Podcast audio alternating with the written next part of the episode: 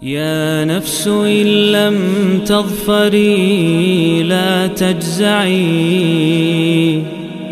آه.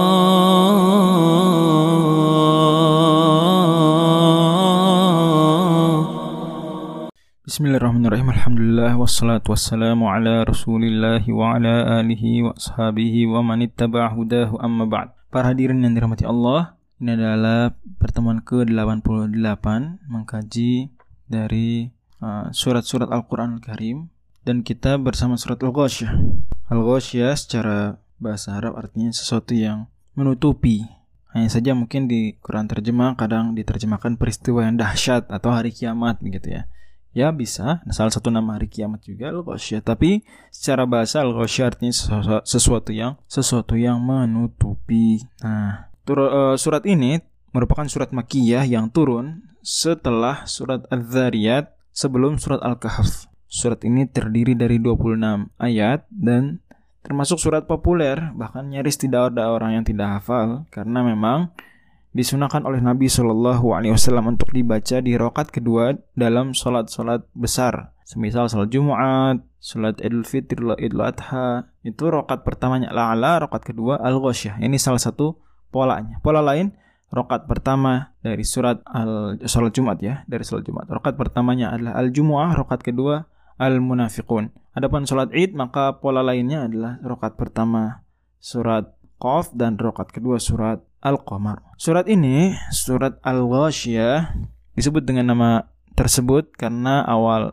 suratnya ayat pertama Allah firmankan hal ataka hadithul ghasyiyah. Sudah datangkah kepada engkau wahai Nabi cerita pembahasan kabar tentang Al-Ghasyiyah, suatu yang menutupi, suatu yang dahsyat, hari kiamat yang dahsyat yang menutupi.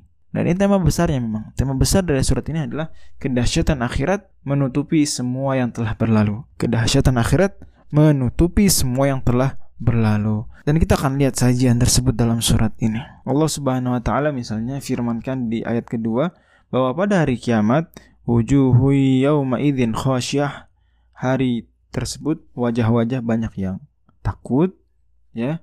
Amilatun nasibah padahal mereka di dunia sudah capek-capek berbuat ya. Mereka anggap mereka dirinya sudah beramal baik padahal mereka lakukan bukan lillahi taala mereka lakukan dipersembahkan kepada selain Allah secara kemusyrikan maka kata Allah amilatun nasibah. Mereka bekerja keras tapi salah dalam akidah ya. Keliru dalam tauhid. Nasibah.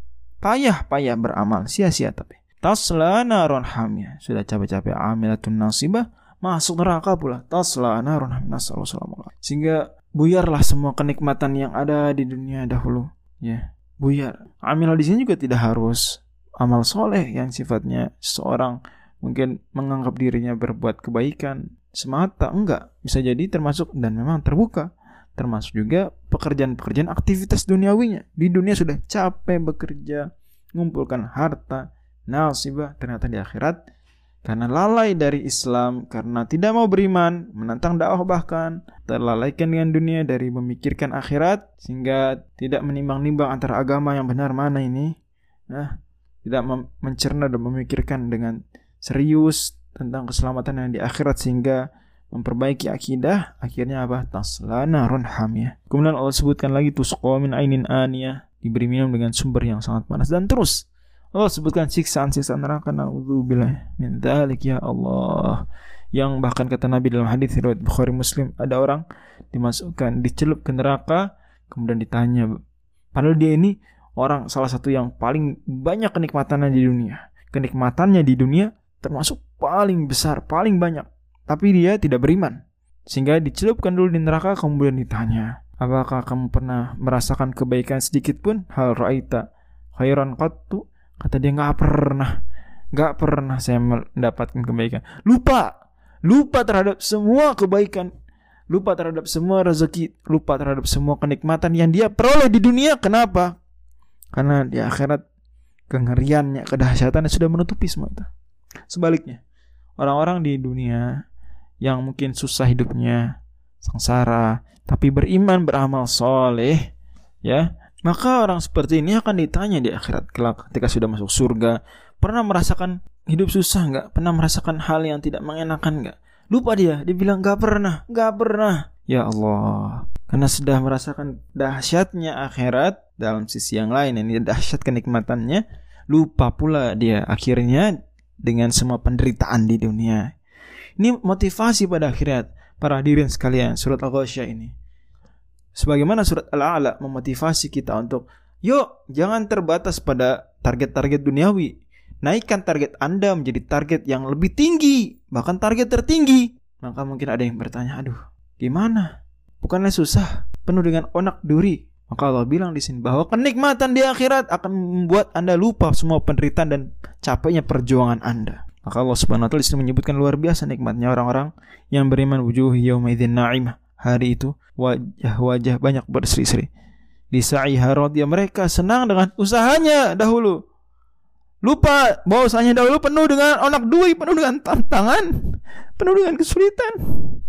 Tapi karena sudah di akhirat sudah sampai, maka lupa yang ada hanya justru jadi kenangan indah.